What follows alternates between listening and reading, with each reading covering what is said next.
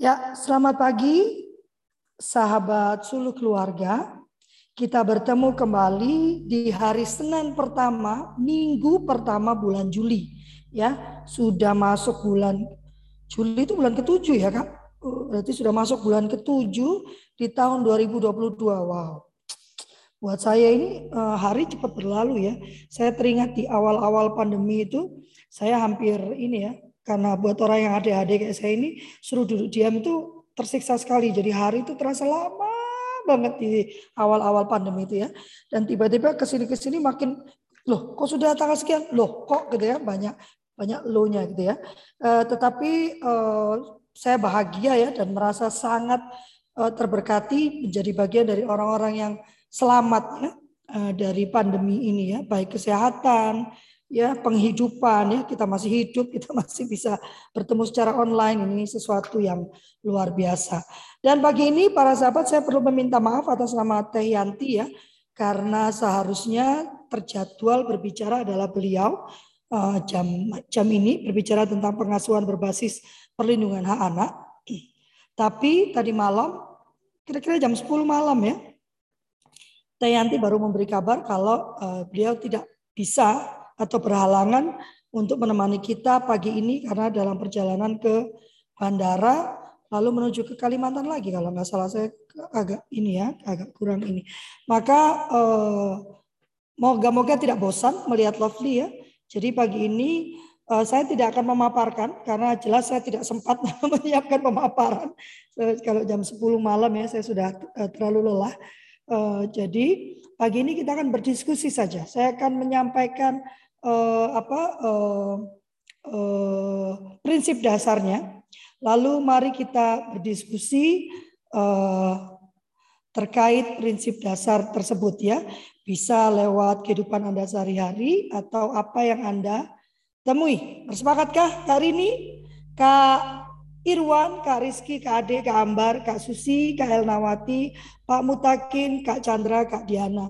Mungkin ini yang beberapa ini yang saya baca semua ini orang-orang lama ini ya, kecuali Kak Dani ya, dan Kak Rini dan Kak Rizky ya. Uh, mungkin udah uh, hafal mungkin dengan apa yang akan saya sampaikan ya, tapi saya percaya sampai hari ini saja uh, selaku anggota dari Lembaga Perlindungan Anak di Bekasi, kasus uh, pelecehan pada anak, kasus bullying itu masih sangat ramai, banyak dan uh, permasalahannya masih tetap sama gitu ya. Uh, misalnya tentang pihak-pihak berwajib yang kurang reak, uh, kurang uh, mau merespon ya, lambat sekali merespon, menganggap ini uh, sesuatu yang kurang uh, pantas untuk segera uh, ditangani gitu ya. Bahkan kemarin saya ngobrol eh kemarin dulu ya hari Sabtu saya ngobrol dengan Kak Seto, dia harus terbang mondar-mandir ke banyak tempat karena kasus-kasus pelecehan berat terhadap anak gitu ya. Uh, jadi uh, ini sudah sesuatu yang masih sangat menurut saya masih sangat relevan gitu ya. Dan saat ini saya sedang mendorong lembaga perlindungan anak Bekasi untuk memulai gerakan parenting, uh, memulai gerakan perlindungan anak dimulai dari rumah. Jadi nanti Bekasi akan punya pelatihan kalau kita adanya dengarnya kalau Tayanti kan bicara tentang sekolah ramah anak saya mendorong terbentuknya keluarga ramah anak. Kalau Fli, keluarga kan pasti ramah anak ya. Ya itu yang asumsi saya sebelumnya, tapi ternyata eh, keluarga yang seharusnya menjadi garda depan perlindungan bagi anak-anak yang ada di dalamnya belum berfungsi secara efektif. Bahkan beberapa dari mereka adalah sumber dari kecelakaan atau celakanya anak-anak kita tersebut ya. Nah, saya akan masuk ke uh, uh, ini ya harusnya kalau Tayanti bicara mungkin lebih menarik ya dibandingkan saya ya. Uh, ini sesuatu yang saya sepakat gitu ya. Saya bersepakat bahwa ini adalah sesuatu yang harus terus-menerus disampaikan dalam segala uh, peris, uh, apa uh, acara gitu ya, acara parenting kita gitu. Jadi saya berharap teman-teman yang oh, teman-teman yang uh, di luar dari karena saya lihat beberapa teman sudah mulai punya media sosial yang bicara tentang parenting ya, TikToknya lah, eh, IG-nya dan saya senang sekali. Saya rasa ini juga perlu dijadikan landasan. Jadi setiap kali TikTok Anda bicara tentang parenting, prinsip-prinsip ini perlu selalu disampaikan ya. Ini juga pengingat untuk saya sendiri. Mengapa? Karena prinsip-prinsip ini rupanya walaupun sudah dibuat bertahun-tahun yang lalu tetap belum menjadi sesuatu yang dipahami apalagi dilakukan oleh uh, utamanya keluarga. Yang pertama di dalam pengasuhan anak, uh, saya selalu mengatakan bahwa kita perlu sadar kita melakukan pengasuhan itu bukan uh, untuk kepentingan kita atau karena kita ingin punya tabungan hari tua ya. Karena kan kita melihat anak, -anak itu sebagai tabungan hari tua gitu. Kalau tua ada yang ngurus gitu ya. Atau supaya tampak baik. Dan juga bahwa tidak kemudian mengatakan uh, pengasuhan anak itu berhenti pada pemenuhan kebutuhan fisiknya saja ya Nah, ada beberapa prinsip dari uh, uh, perlindungan anak atau prinsip dari pengasuhan berbasiskan perlindungan anak. Yang pertama adalah non diskriminasi. eh, maafkan suara saya ya. Kak Deli, a cup of hot tea would be nice ya Kak Deli. Jadi non diskriminasi ini artinya tidak membedakan suku, ras, agama ini kalau Anda berada di uh, apa lingkup umum ya. Tetapi kalau di rumah bagaimana kondisi fisik anak, psikis anak itu ya. Anak ini lebih lambat, anak itu lebih cepat gitu ya. Anak ini lebih putih, anak itu lebih hitam, ini kalau lebih mirip bapaknya, kebetulan bapaknya nyebelin gitu ya. Termasuk juga utamanya, nah ini perlu diskusi ya. Karena saya sering mendengar bahkan ada diskusi saat ini yang menyatakan mereka ingin menghapuskan anak itu dalam eh, penulisan ijazah, oh sorry, menghapuskan mantan suami, nama mantan suami dari kartu ijazah anak-anak. E, alasannya adalah habis orang itu kan menyakiti saya, dia sudah nikah lagi, nggak penting lagi begini, begini, begini, begini, begini, begini, begini. Nah itu nanti terkait dengan apakah itu kepentingan terbaik bagi anak ya. Dan yang berikutnya adalah hak untuk hidup. Nah ini juga perlu disampaikan kelangsungan hidup dan perkembangan anak. Ya, ini nggak cuma bicara tentang aborsi. Ya, ini tidak hanya bicara tentang hal-hal besar ya, misalnya anak di mengalami kekerasan fisik gitu ya. Yang saya alami adalah kekerasan psikis ya, mental dan itu berat sekali bagi saya saat saya berusaha memulihkan diri saya sendiri dan itu menghancurkan begitu banyak aspek dalam kehidupan saya ya yang juga eh, terlambat saya sadari untuk kemudian saya memulihkan diri saya sendiri. Tetapi uh, orang tua itu punya kewajiban untuk menjamin hak untuk hidup dari anak-anaknya juga nggak cuma hak hidup tetapi juga kelangsungan hidupnya. Artinya ya kesehatan anak-anak itu adalah menjadi tanggung jawab dari keluarga. Kesehatan tidak hanya kesehatan fisik tetapi juga kesehatan mental. Ini sesuatu yang perlu kita uh, dengung-dengungkan karena kalau bicara kesehatan fisik, ya orang tua sangat memperhatikan hal tersebut karena itu sangat mudah dilihat. Kalau anaknya kurus nanti pasti jadi omongan tetangga. Intinya sebetulnya orang tua itu nggak mau jadi omongan tetangga gitu ya. Nah e, sementara kalau nanti bicara tentang kesehatan mental, nah ini yang yang menjadi e, apa menjadi perdebatan gitu ya karena Eh, kita itu eh, melihat kesehatan mental itu sebagai sesuatu yang tabu gitu ya, sesuatu yang memalukan sehingga kita tidak mau menjamah atau menyentuh bidang tersebut gitu ya. Kemarin saya diminta berbicara tentang uh, apa bagaimana mencegah bunuh diri. Saya baru menyampaikan dasar-dasar untuk memahami apa yang terjadi pada anak remaja di usia remajanya. Tapi saya belum menyentuh bahwa ada memang anak-anak kita dan kita sendiri yang uh, bukan karena kurang iman gitu ya, karena selalu uh, uh, paling gampang itu menya, apa, uh, menyalahkan pada iman gitu ya, menyalahkan iman, menyalahkan setan gitu ya. Uh, tidak semudah itu mengatakan oh harus uh, diberikan uh, apa uh, pemahaman religi yang kuat gitu ya. Uh, itu iya, saya sangat bersepakat karena saya sangat spiritual sebetulnya ya. Namun ada hal-hal juga yang perlu menjadi pertimbangan kita. Misalnya, apakah anak kita memiliki kesehatan mental yang baik gitu ya, kesehatan mental yang reguler ataukah dia punya e, memiliki ketidakseimbangan hormonal, ketidakseimbangan eh, kimia yang terjadi di otaknya sehingga membuat anak-anak ini atau sahabat-sahabat kita ini lebih rentan terhadap depresi ya. Bisa juga apakah dia ternyata mengalami bipolar. Seringkali anak Indonesia itu diketahui bipolarnya sudah telat banget gitu ya. Sementara bipolar itu sebetulnya manageable gitu ya. Saya punya sahabat yang menyampaikan ke saya itulah mengapa sekarang saya bicara tentang bipolar dia berkata bahwa saat ini dia menderita skizofreni ya eh, karena awalnya adalah stres yang berkepanjangan tidak terdeteksi Kemudian eh, stres itu menjadikan dia bipolar dan saat bipolar memang juga tidak diawasi dengan baik sehingga dia tidak minum obat secara teratur dan pada akhirnya menjadi eh, berubah menjadi skizofreni walaupun tidak selalu demikian urutannya. Tetapi kemudian pada saat dia mengalami skizofreni pun ada beberapa hal yang membuat dia tidak nyaman karena obat-obatan tersebut membuat dia menjadi kebas, dia tidak merasa gitu ya. Eh, jadi itu yang kadang-kadang ingin dia singkirkan gitu ya. Jadi Bapak Ibu Saudara, kita semua punya terutama untuk anak-anak kita kewajiban untuk memastikan non diskriminasi, lalu hak untuk hidup, kelangsungan, kelangsungan hidup dan perkembangan anak. Yang ketiga adalah kepentingan terbaik bagi anak.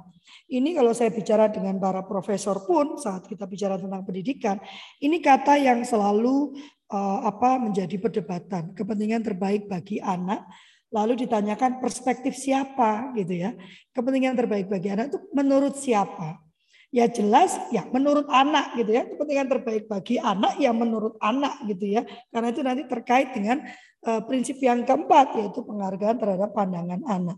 Kalau masih uh, ter, uh, kita ya uh, kita sangat terdistorsi ya. Artinya bukan ikut semua kemauan anak.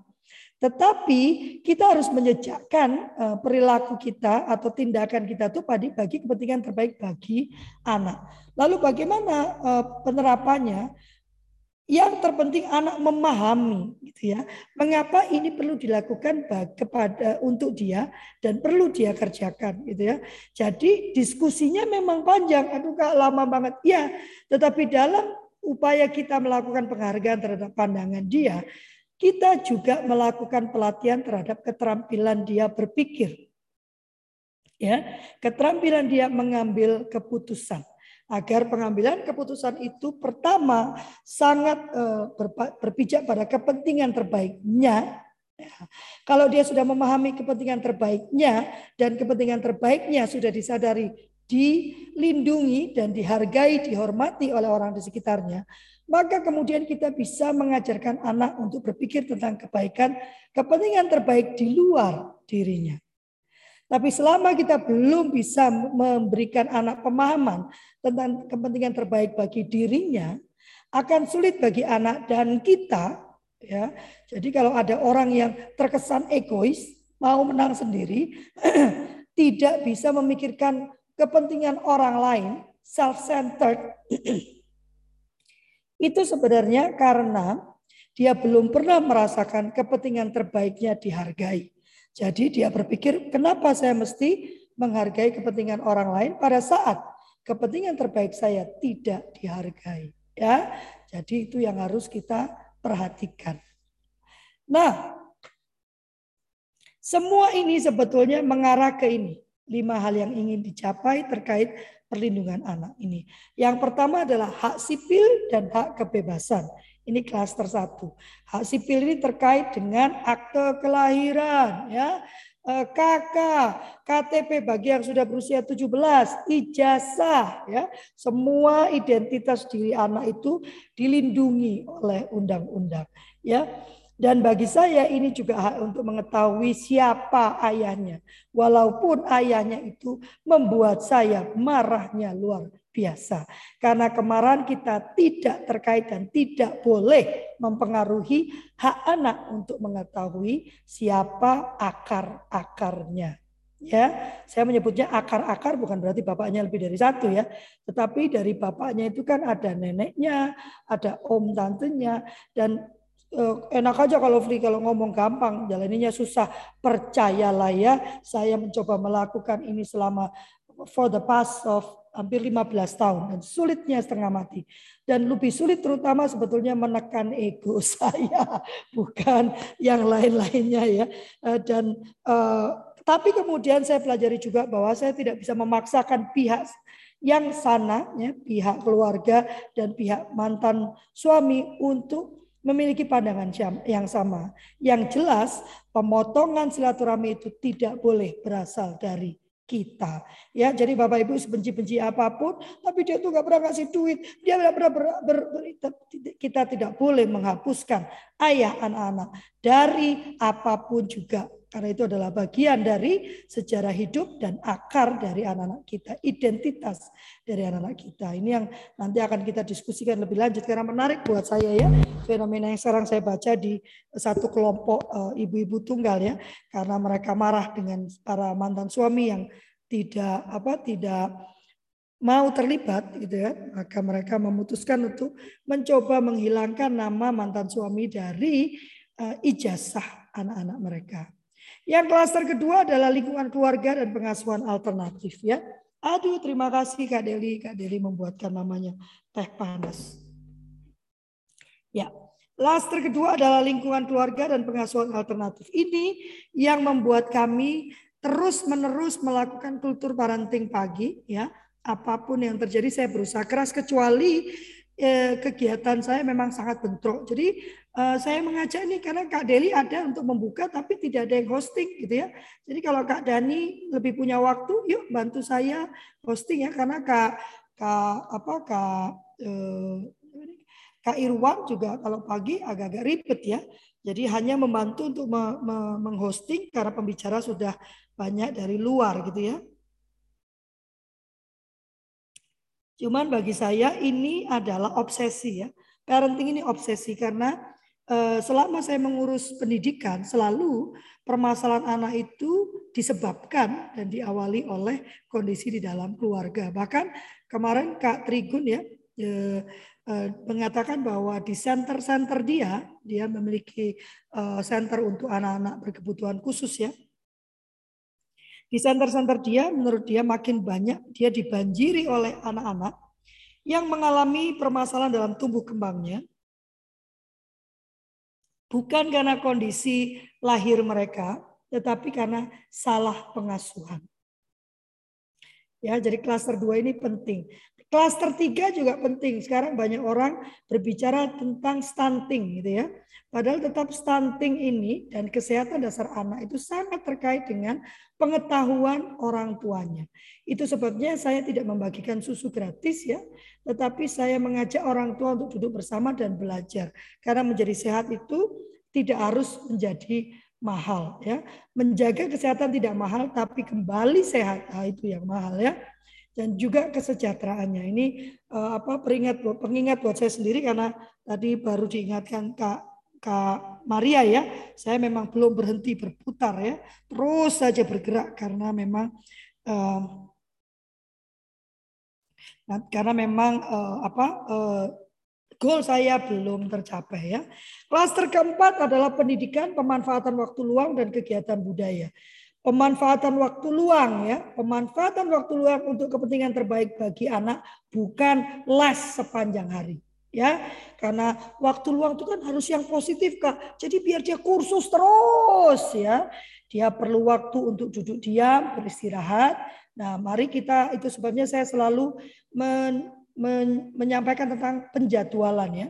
Sehingga anak-anak sendiri yang memahami semua kegiatannya, dia yang memilih, dia yang membagi, dia yang membagi-bagi waktunya, sehingga dia tahu bagaimana memanfaatkan waktu luang yang tepat. Ya, juga pendidikan ya sangat penting bagi anak untuk mendapatkan pendidikannya. Pendidikan itu hak bagi anak, kewajiban bagi orang dewasa untuk menyediakannya. Jangan dibalik ya.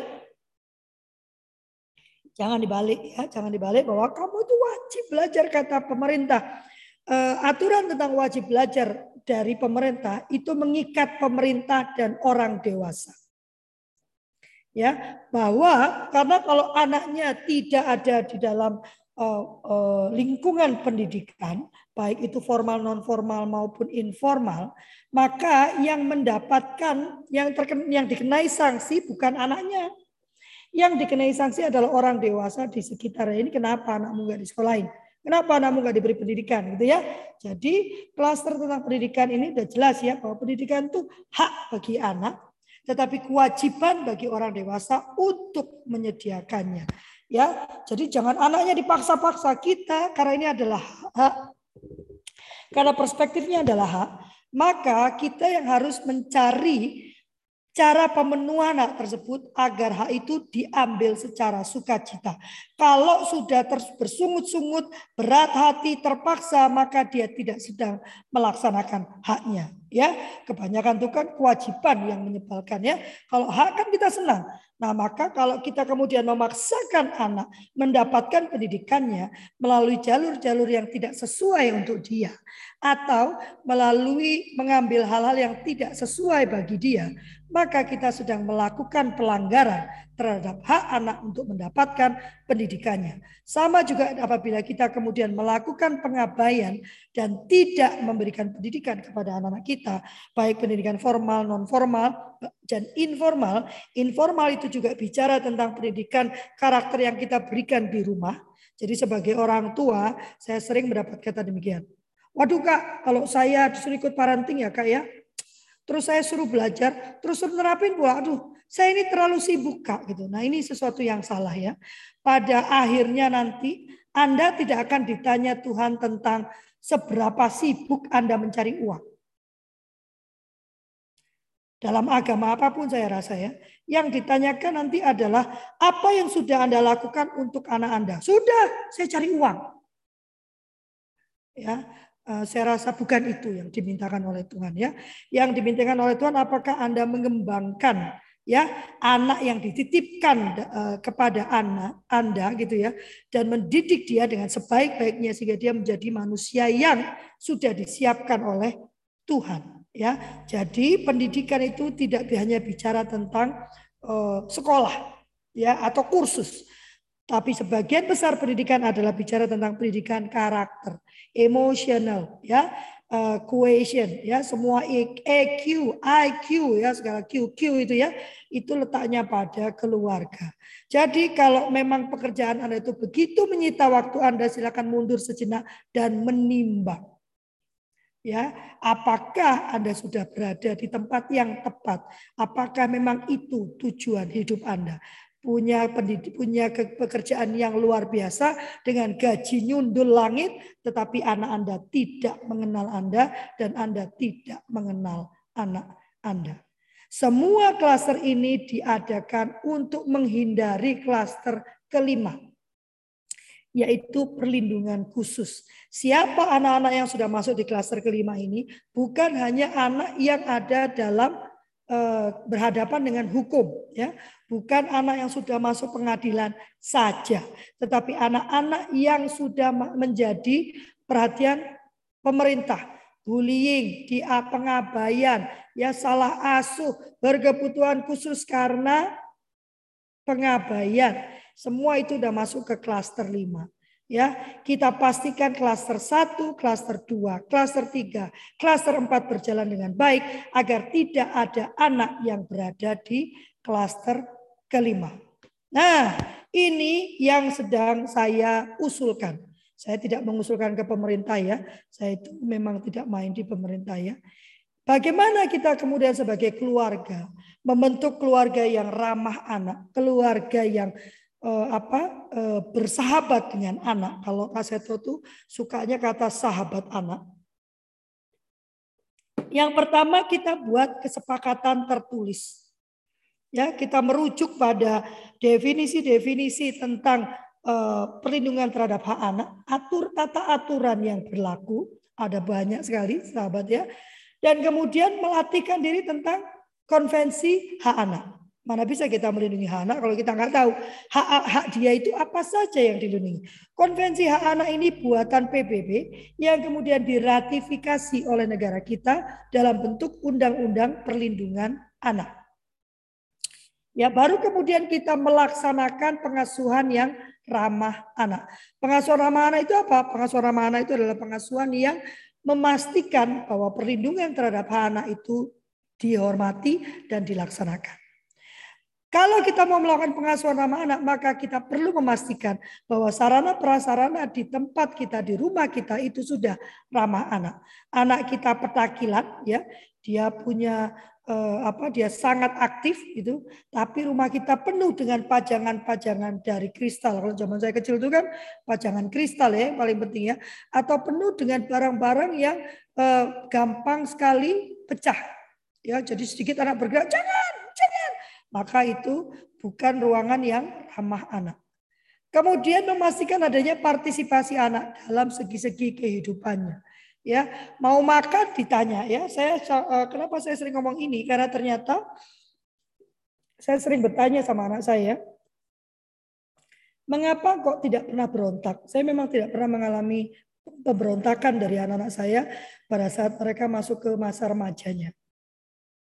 Saya juga bertanya kenapa kok uh, apa uh, kok uh, apa tidak uh, pernah ingin uh, membantah gitu ya. Dia sampaikan uh, ini dia sampaikan ke saya lalu dia juga pernah bicara di depan umum ya. Dia sampaikan bahwa saya tidak saya tidak merasa perlu untuk memberontak karena saya tahu Eh, saya selalu bisa berbicara. Gitu. Mama akan selalu mendengarkan, walaupun tidak selalu sepakat, tapi eh, kadang-kadang pun eh, saya diperbolehkan melakukan hal yang Mama tidak sepakati. Nah, kalaupun nanti salah, Mama tidak menyalahkan, kita diskusi, gitu ya. Lalu berikutnya dia, dia pernah mengatakan bahwa saya tidak merasa perlu membenci ibu saya. Nanti boleh tanya ke Kak Deli juga ya. Karena karena ini ngomong kakaknya ya. Kak Deli ini lebih tertutup daripada kakaknya ya. Karena eh, sejak kecil saya ditanya gitu, saya dilibatkan. Bahkan sampai sekecil mau makan apa pun dilibatkan. Bapak Ibu pada saat saya hendak memutuskan untuk bercerai, eh, walaupun anak-anak menyatakan mereka mengalami tekanan dan stres yang luar biasa, tetapi saya dudukkan mereka, lalu saya bertanya tentang ke, eh, menyampaikan kegelisahan saya dan saya menanyakan pendapat mereka tentang apa Eh, eh, keputusan yang akan saya buat itu berpisah dari ayahnya. Itu sebabnya karena saya menjanjikan hubungan yang tetap baik eh, meskipun sebel ya kadang-kadang ya dan anak-anak yang selalu mengingat lah kan udah cerai ngapain juga mama sebel udahlah anggap aja teman gitu ya. Oh iya gitu ya. Nah, saya tetap berusaha menjalin hubungan dengan ayah mereka dan keluarga barunya juga dengan keluarga besar bapaknya ya. Yang berikutnya partisipasi masyarakat sekitar. Jadi kita punya kewajiban untuk juga eh, apa mendidik masyarakat sekitar ya untuk eh, melakukan penghormatan terhadap hak-hak anak kita. Kalau waktu saya kecil gitu ya, eh, saya memang termasuk galak ya. Jadi kalau ada orang-orang yang tidak bersedia mengikuti tata aturan, tidak berbicara keras, tidak menghardik, tidak berteriak-teriak, tidak e, berbicara negatif ya, tidak merokok ya, duduk di tempat yang benar, tidak e, makan sembarangan. Karena saya sedang membentuk perilaku, maka saya tidak welcome mereka ke rumah saya. Atau saya menolak untuk terlalu sering hadir di mana mereka berada. Wah kalau Fligala, ya. Jadi saya itu tiger mom, tapi bukan pada anak-anak saya. Saya tiger mom pada orang-orang di sekitar anak saya. Ya, saya memastikan lingkungan uh, di mana anak saya berada itu selalu positif, gitu ya. Karena saya percaya uh, citra diri positif itu amat sangat penting. Tiga saja, eh, empat saja slide-nya. Yuk kita berdiskusi apakah uh, ada keberatan terhadap apa yang sudah saya sampaikan apakah ada kisah-kisah ya yang uh, pernah didapat ditemui gitu ya uh, terkait dengan apa yang saya sampaikan. Silakan teman-teman. Kalau Feli boleh. Ya, silakan. Uh, apakah ini bertanya atau mungkin saran gitu ya Bu? Kalau Feli. Hmm. Uh, intinya anak itu punya hak. Mm -hmm anak juga punya kewajiban. Uh, tetapi saya itu merasa bahwa tindakan-tindakan yang keras, tindakan yang uh, membuli apa me, membuat stres anak itu cacatnya itu cacat yang tidak terlihat tapi ter permanen. Beda lagi yang dipukulin begitu ya kalau Fli. Sepertinya eh, pemerintah belum ke arah sana untuk bagaimana anak-anak kita itu secara mental banyak sekali ya mungkin di kampung-kampung saya banyak sekali orang tua yang membuat anak itu cacat permanen yang tidak terlihat. Seperti marahnya dan sebagainya padahal dia punya hak itu yang disebutkan tadi di undang-undang. Tapi belum ada greget bagaimana sih sebetulnya eh, pemerintah itu berupaya agar agar memahamkan orang tua ya terutama di pelosok begitu. Di pelosok-pelosok yang tidak paham mohon maaf mungkin pendidikannya juga sedikit uh, kurang begitu ya tentang pendidikan anak usia dini. Malah mungkin ada juga seorang akademisi tetapi dia juga tidak paham tentang pendidikan anak usia dini. Jadi ke anak itu dia secara secara uh, makan bergizi dan sebagainya is oke okay ya tapi perlakuan terhadap anak yang memaksakan anak dengan kehendaknya sendiri. Itu belum dampak bagaimana ya caranya kalau hal itu terjadi karena kita memang praktisi di lapangan. Jadi hal-hal itu tuh gemes banget gitu ya kalau melihat sesuatu yang membuat anak-anak itu jadi cacat permanen begitu ya. Tidak terlihat tapi dia akan cacat permanen. Makanya mungkin Indonesia itu seperti ini karena banyak anak-anak kita yang eh, beberapa miliar niorannya itu uh, apa ya jadi atrofi gitu ya tidak berkembang dengan baik begitu kalau Fli. Begitu mungkin kalau Fli. Ya, uh, kita harus mengubah cara kita menyampaikan dulu. Jadi dengan kata-kata anak itu punya hak tapi punya kewajiban. Nah ini uh, kalau kita bicaranya berbagi kayak gini akan sulit bicara tentang tentang hak ya. Pasti yang dikedepankan kewajiban. Yang saya temukan, jadi saya dulu kalau ngomong nggak usah bicara kewajiban, bicara hak saja. Wah saya dimarahin ya. Saya dimarahin karena nanti dibilang anak saya akan menjadi anak yang kurang ajar, anak yang tidak tahu diri, anak yang tidak punya penghormatan. Nah sekarang anak saya sudah 26 tahun dan 22 tahun. Anak saya yang 22 tahun ya, eh, kakak Deli ini uh, dia yang bertanggung jawab atas kebersihan rumah kami. Anak kakak Deli ini laki-laki ya. Dia yang nyapu, dia yang ngepel, dia cuci piring ya. Karena uh, karena dia tidak mau ibunya uh, melakukan giat-giat itu ya. Jadi uh, dia juga tadi uh, karena suara ibunya yang cantik ini, dia membuatkan teh panas ya untuk mempermudah saya berbicara. Dan dua anak saya ini kalau kakaknya karena dia di luar rumah, kakaknya yang memastikan bahwa eh, semua bisa berjalan dengan baik. Jadi kalau bahasa kasih anak saya ini beda-beda ya. Kalau Deli itu lebih pada tindakannya, Ya, dia lebih pada jadi kalau saya sakit dia yang mijat, dia yang meluk, dia yang nganter ya. Kalau kakaknya itu dia lebih mau bahasa kasihnya itu lah memastikan semua bisa berjalan dengan baik gitu ya. Apakah uangnya tersedia, apakah mobil itu sudah ada, apakah rumah sakitnya sudah jelas. Jadi dia yang lebih bahasa kasih dia seperti itu ya. Dan dua anak saya ini tidak pernah saya sampaikan tentang kewajiban. Saya hanya berbicara tentang hak tetapi hak itu kan bukan hanya hak dia. Ada hak ibunya, ada hak tetangga, ada hak bapaknya, ada hak adik tirinya, ada hak, ada hak, ada hak. Jadi saya cuma bicara hak itu ya, tidak bicara kewajiban. Karena nanti anak-anak tersebut akan membentuk kewajiban-kewajibannya. Ya, karena dia mau menghargai hak orang lain, atas dia penghargaan atas haknya sendiri yang sudah dilakukan. Gitu ya Kak Elna. Jadi jangan bicara kewajiban, bicara hak saja. Gitu ya. Supaya nggak rancu pikiran orang, gitu ya.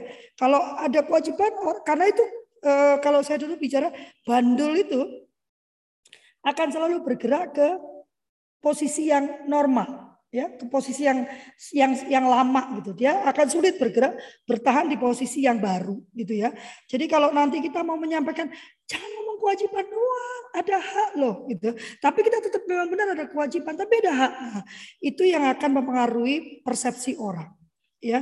Cuman saya berhenti bicara seperti itu setelah anak-anak saya besar dan saya membuktikan bahwa anak-anak saya menjadi anak-anak yang manusia-manusia yang menghargai hak orang lain sehingga dia melakukan kewajiban-kewajibannya, maka berani saya menyatakan ayo berbasis hak saja. Nanti anak-anak itu diperkenalkan juga hak ibunya. Jadi misalnya di rumah saya ya, uh, uh, apa kita punya uh, hobi yang berbeda-beda dan kami ini keluarga homeschooling tunggal. Jadi anak-anak saya itu sebelum uh, yang besar itu keluar dari rumah karena memang usianya sudah waktunya. Ini Kak Deli juga sebenarnya sudah waktunya, tapi karena pandemi dan segala macamnya kami tunda ya.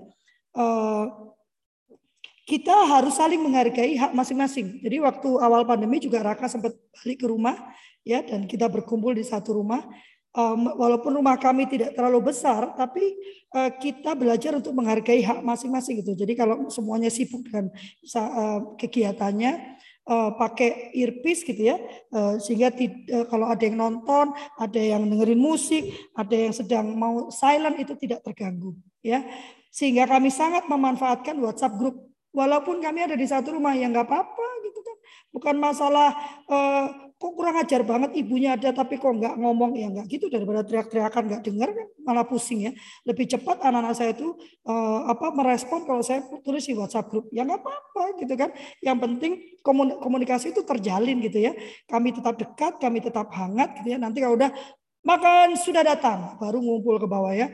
Kita cerita. Dan meskipun saat makan jadi Kak Deli ini uh, apa ya bisa dibilang glue to his phone ya dia selalu terus baca terus komunikasi dengan teman-temannya ya nggak apa-apa nanti kalau kita mau ngomong ya dede taruh dulu dong handphonenya ya ditaruh lalu kita ngobrol sesuatu yang kita mau ngobrol karena kak Deli ini memang tipe yang kalau face to face dia tidak bisa berbicara. Nah, lalu bagaimana penerapannya? Tidak usah nunggu pemerintah, Kak, gitu ya. Pemerintah tuh sudah punya banyak perangkatnya, cuman banyak sekali eh, apa aparat yang harus diubahkan dulu pemikirannya. Saya pernah protes ke uh, apa ke kepolisian gitu kan. Bagaimana sih kok penerapan apa penanganannya kok uh, tidak ramah anak sekali gitu ya. Ternyata mereka udah perangkatnya udah cukup jelas gitu. Setiap tahun bahkan beberapa kali setahun itu para para uh, officersnya itu ya petugasnya itu dilatihkan tentang hak anak. Nah, kalau orangnya tidak mau berubah mau gimana ya? Mau dilatih ber beratus kali ya. Masa mau dilatih anak pakai push up ya repot juga ya. Jadi eh, saya nggak bisa protes lagi orang mereka sudah menyediakan perangkatnya gitu ya. Ya saya lebih memilih bergerak dengan apa eh, apa bergerak dalam eh, apa bergerak dalam eh, bergerak dalam eh, eh, dalam lingkup saya ya. Maka lembaga perlindungan anak memulai dengan eh, keluarga ramah anak tadi, Kak Elna. Oh, eh, dan yang kami hadapi bukan orang-orang orang-orang berpendidikan tinggi ya, tapi jangan salah juga loh, bicara dengan orang berpendidikan tinggi itu juga nggak mudah tentang hak anak ya itu nggak nggak nggak nggak mengatakan bahwa kan mereka pendidikannya rendah kak. Ya bahkan saya menemukan champion-champion hak anak itu di orang-orang yang uh, berada di strata pendidikan bawah gitu ya rendah gitu ya. Uh, jadi memang kami mencoba membuat mengemas pelatihan yang mudah dicerna gitu tidak menggunakan perkataan-perkataan atau contoh-contoh yang aneh-aneh gitu ya tapi mudah dicerna dan mudah diterapkan sehingga nanti perlindungan itu dimulai dari anak eh, bahkan kita punya Sparta namanya ya Sparta itu eh, perlindungan anak di tingkat RT Nah, ini saya rasa perlu kita kembangkan ya Kak Elna. Nanti kita bekerja sama saja Kak Elna. Nanti Kak Elna boleh, boleh. karena saya di Bekasi sebetulnya kan satu wilayah dengan Kak Elna ya. Iya, iya, iya. Ya. Ruang kerja saya ya. itu di Bekasi. Nah, mungkin ya. kan sama-sama Jawa Barat ya. Insya Allah, Insya Allah. Ya. Dan LPA Jawa Barat itu juga sangat aktif ya. Nanti kita akan coba kontak ya untuk ya, untuk ya. apa untuk kerjasama ada di Bandung mereka ya. Terima kasih Kak Emma untuk referensinya gitu ya. ya. Sama-sama kalau Fli. Ya, terima kasih. Ini Kak Elna, eh, Kak Emma juga memberikan referensi tentang oh, ya, ya, ya. Uh, agama Islam ya tentang pendidikan anak. Boleh Kak Emma? Uh, Kak Emma mau sharing sekarang, Kak Emma?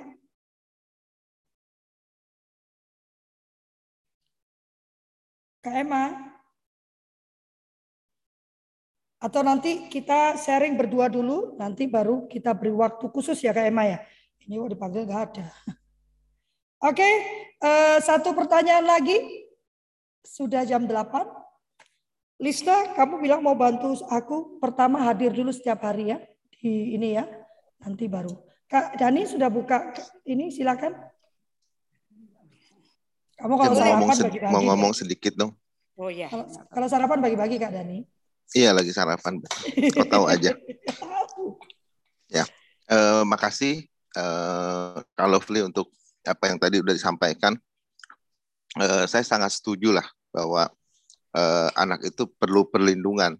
Mungkin yang saya pikirin, eh, saya nggak tahu juga apa yang maksudnya intinya. Saya senang dengan acara parenting ini eh, karena itu kembali lagi ke, ke bukan untuk kitanya tapi untuk ya gitu. Nah tapi uh, tadi uh, Kak Elna juga udah bilang gitu.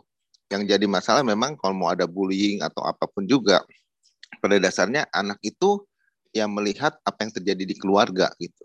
Saya yakin apa yang membuli itu kalau keluarganya uh, punya nilai-nilai yang baik, nggak mungkin dia akan ngebully anak yang lain. Kalau dia uh, punya respect kepada uh, satu sama lain di keluarganya, udah pasti dia akan respect juga kepada teman-temannya. Tapi itulah yang tidak terjadi entah entah apa pun juga alasan yang terjadi di keluarga itu. Itu nah jadi uh, cuman memang nggak sesimpel itu dalam pembicaraan saya itu aduh gimana ya? Mungkin apakah perlu dibuat satu modul yang sederhana? Karena mungkin nggak semua orang bisa menganggap uh, dengan dengan cepat kalau dijelasin begitu banyak aspeknya gitu. Kita mungkin bikin satu kurikulum yang sederhana yang setidaknya yang untuk uh, uh, sehingga di, di keluarga yang tadi dibilang tuh uh, ramah itu uh, ada ada ada pagar-pagar lah yang menjaga anak-anak ini supaya dia uh, bisa dapetin haknya. Nah dengan uh, mungkin dengan nggak tahu dengan uh, intinya tuh dengan kultur uh, parenting ini atau apa pun juga, nah itu disosialisasikan sehingga banyak sekali keluarga-keluarga mereka tahu nilai-nilai uh, apa yang terbaik untuk anak sehingga benar-benar uh, jiwa anak itu bisa berkembang dan dia juga tidak tidak menyakiti uh, teman-temannya gitu. Nah, uh, saya uh, hanya kepikiran begitu aja entah gimana itunya lah. Tapi yang pasti mesti dibuat sederhana uh, uh, semua orang bisa mengerti dan semua bisa menerapkan uh, dengan dengan cepat gitu. Tapi intinya uh, terima kasih udah apa yang udah di sharing uh, dan saya berharap bahwa dari sinilah awalnya sehingga terus berkembang sehingga banyak-banyak uh, keluarga yang bisa mendidik anak dengan dengan baik dan benar dan akhirnya yaitu melindungi hak-hak si anak itu sendiri. Makasih kalau Ya, saya setuju ya. Saya setuju. Uh, kelemahan pendidikan kita itu kan karena terpusat ya. Jadi uh, sulit untuk uh, apa diterapkan ke banyak tempat ya. Mungkin nanti kita bisa memulai gerakan itu ya. Mungkin uh, seluruh keluarga membuat uh, apa uh, modul utamanya tapi tidak untuk digunakan tapi untuk dikembangkan. Jadi misalnya Kak Elna yang tahu uh, apa uh, sasarannya bahasa yang dipakai kebiasaan-kebiasaan dipakai maka uh, apa modul utama itu dikembangkan uh, contoh-contohnya bahasa yang digunakan dan gambarnya mungkin. Nah, nanti sehingga nanti akan ada, kaya itu uh, apa sumber-sumber belajarnya ya saya percaya, saya tahu memang Kementerian Perlindungan Anak ya Kemen PPA itu eh, harusnya ini Tayanti ya karena dia yang lebih banyak bicara di dalam kementerian pasti sudah punya banyak sekali eh, eh, apa sumber modul-modul gitu ya eh, walaupun saya nggak tahu juga kenapa kok nggak disebar juga ya eh, padahal habisnya banyak itu sebabnya Uh, saya akan cobakan, kita cobakan, tapi jangan terus bicara. Makanya kak minta dana dari pemerintah. Dana dari pemerintah itu ujungnya akhirnya nggak kesebar juga kan, nggak menarik juga buat saya. Bahkan mungkin nanti di di apa di di dunia metaverse kita itu uh, boleh tuh kita bangun pulau apa untuk belajar tentang perlindungan terhadap hak anak itu bisa juga dibangun ya gitu ya. Uh, saya uh, setelah setelah semua pulau itu kami akan membangun juga profil pelajar Pancasila gitu ya. Bagi saya itu penting ya Kak Dani. Semua bisa diangkat ke metaverse dan itu menjadi sumber belajar yang imersif ya ke eh, untuk anak dan orang dewasa. Bisa mencobakan gitu ya. Saya rasa ide bagus tuh Kak Dani nanti mungkin bisa jadi proyek personal kita berdua aja ya. Karena kalau nunggu kita coba turunkan kan. Ayo semangat. Iya, nanti kita coba turunkan dan seluruh keluarga yang menginisiasi ya. Uh, sudah jam 8, kurang 4 menit. Kak Emma, bisa 4 menit saja? Bisa. Oke, silakan. Bismillahirrahmanirrahim. Assalamualaikum warahmatullahi wabarakatuh. Yang luar biasa banyak belajar kami, saya dan anak menantu. Saya kebetulan memang dulu juga pendidikan di keluarga ya agak keras. Dulu kan memang orang tua dulu beda ya, ya kerasnya keras disiplin. Jadi kami ya tadinya ya merasakan aduh ini dilarang, itu dilarang. Tapi akhirnya alhamdulillah sih bersyukur sama Allah sampai saya mempunyai empat menantu ya alhamdulillah semuanya baik. Cucu sembilan ya bersyukur tapi yang paling besar baru 12 tahun. Yang kecil tapi ya dengan ginilah bicara baik kata orang tua kami selalu bicara baik. Kalau kamu bicara baik itu berarti doa. Tapi mengenai sama anak-anak ya, kita nggak boleh kasar. Sampai katanya bilang nggak boleh bilang jangan. Sebaiknya sebaiknya jangan begini, kamu begini aja dan seterusnya. ya, kami terus Mas terpanggil juga ya lihat apalagi tadi pertanyaan dari siapa yang di daerah atau di pelosok memang kekerasan ini subhanallah ya kami pun ikut prihatin. Kami kebetulan waktu itu punya sekolah yang free ya, gratis untuk anak-anak jalanan ya, baca ngaji dan main cooking fun dan lain-lain. Tapi akhirnya ya gitu, kurang maksimal, padahal sudah berapa tahun. Cuman sekarang masih berhenti, tapi ada sama temen lagi ngurusin anak-anak jalanan. Jadi mohon doanya, ini pengalaman dari kami, Kenapa kami sampaikan? Karena dulu kami juga dididik keras, agak keras, tapi kerasnya positif. Jadi kita larinya suruh gini aja lah, bangun tidur syukur. Terus kita banyak belajar. Dan orang tua dulu kalau mendidik biar kami punya pembantu, tapi kami harus semuanya kerja sendiri. Kalau enggak, enggak boleh ke sekolah sampai gitu. Jadi ya alhamdulillah sih sharing ini mudah-mudahan membawa manfaat untuk semuanya. Terima kasih Kak Lovely waktunya. Mohon. Terima kasih Kak Emma, luar biasa ya. Jadi kalau boleh saya simpulkan, yang paling utama itu adalah tauladan. Ya, Anda tidak bisa meminta anak Anda menjadi pribadi-pribadi yang rajin bersih-bersih kalau Anda sendiri tidak pernah mengangkat tangan untuk membersihkan ruangan. Hai Owen. Owen udah besar. Owen, Mana? Gak kelihatan itu Owennya. Saya tahu Owen ini sejak umur sebelum 2 tahun, tapi sampai hari ini belum pernah ketemu langsung sama Owen. Cuma lihat fotonya dan lihat videonya doang ya. Hai, kok gundul Owen? Gendut ya. Oke, jadi pada intinya eh, kita perlu melakukan toladan ya pada anak ya. Eh, saya termasuk ibu yang awalnya tuh khawatir benar gitu ya.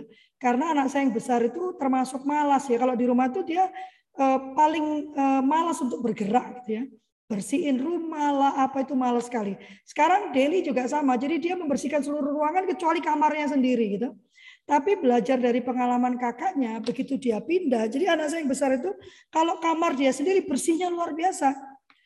Setiap minggu dia sapu pel tiap hari dia bersihkan gitu ya Uh, tapi kalau di rumah udah benar-benar tidak mau bergerak. Kalau saya tanya kamu kenapa tidak bergerak? Pulang itu kan libur, mah. Jadi ya aku nggak bersih-bersih lah dia bilang gitu ya. Tapi dari situ saya belajar bahwa saya nggak perlu terlalu khawatir gitu ya melihat dia malas uh, di rumah gitu ya. Ke, toh nanti pada waktu itu dia keluar, segala apa yang saya contohkan, yang saya kerjakan di rumah, kebiasaan-kebiasaan yang saya lakukan di rumah itu toh dia kerjakan juga di ruang dia sendiri. Karena kadang kecemasan kita tuh berlebihan, sehingga kita menjadi ibu-ibu yang bapak-bapak dan orang tua yang e, menyebalkan gitu ya.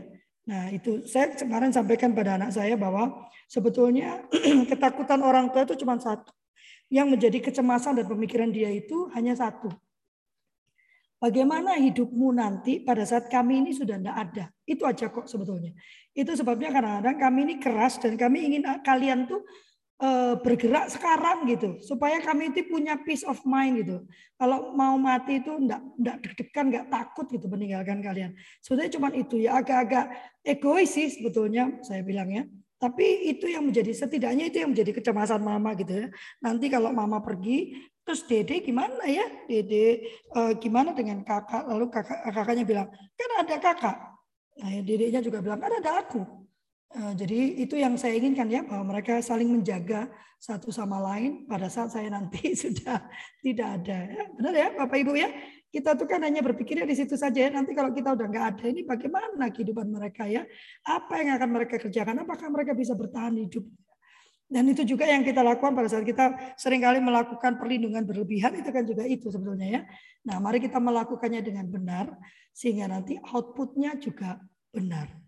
Ya, sudah jam 8 lebih. Uh, saya ingin menutup dengan pernyataan bahwa uh, saya sudah membuktikan, saya sudah menjalani dan membuktikan bahwa pengasuhan berbasiskan uh, perlindungan terhadap hak anak itu akan membuat anak memahami dan menghormati hak-hak orang lain. Ya, dia menjadi pribadi-pribadi yang paham dan mau menghormati hak orang lain. Dia tidak jadi pembuli, ya uh, kalau nanti melihat anak saya, saya bilang ini calon suami teladan karena Deli akan duduk di lantai membantu ibunya memasangkan sepatu ya.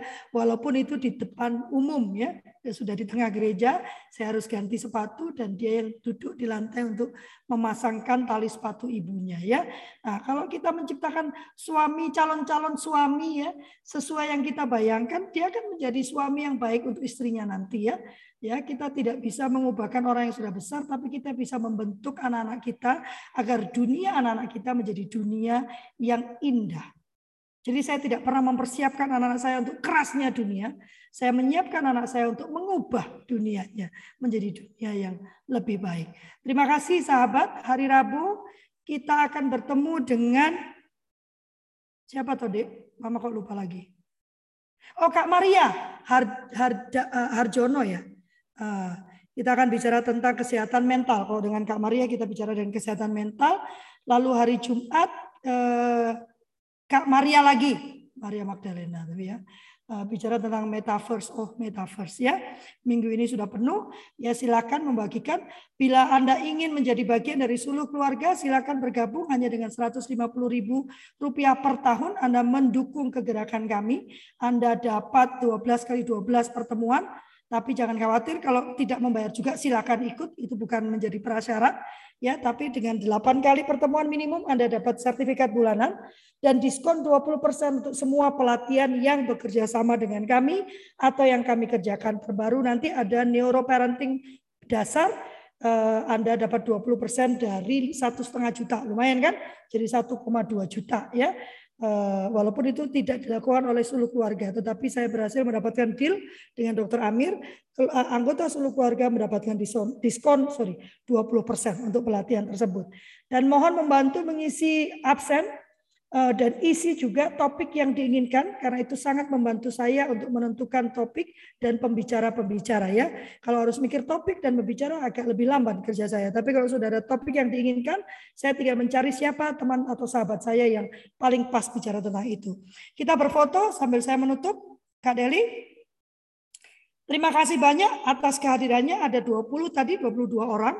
Eh, dan saya memohon maaf yang sebesar-besarnya apabila ada pernyataan, perkataan, sikap, atau gestur yang kurang berkenan. Saya tidak ingin me, me, memojokkan, tidak ingin eh, menghakimi, tidak bermaksud untuk eh, merendahkan, dan tidak bermaksud untuk menggurui. Saya hanya ingin membagikan apa yang menjadi keyakinan kami dan yang kami kerjakan dalam kehidupan kami sehari-hari. Sudah selesai fotonya, Dede? Sudah? Oke, sudah. Oke, hai Dokter Ferry. Terima kasih banyak. Wassalamualaikum warahmatullahi wabarakatuh. Tuhan memberkati. warahmatullahi wabarakatuh. Terima kasih banyak kalau Lovely dan semuanya yang sudah sharing.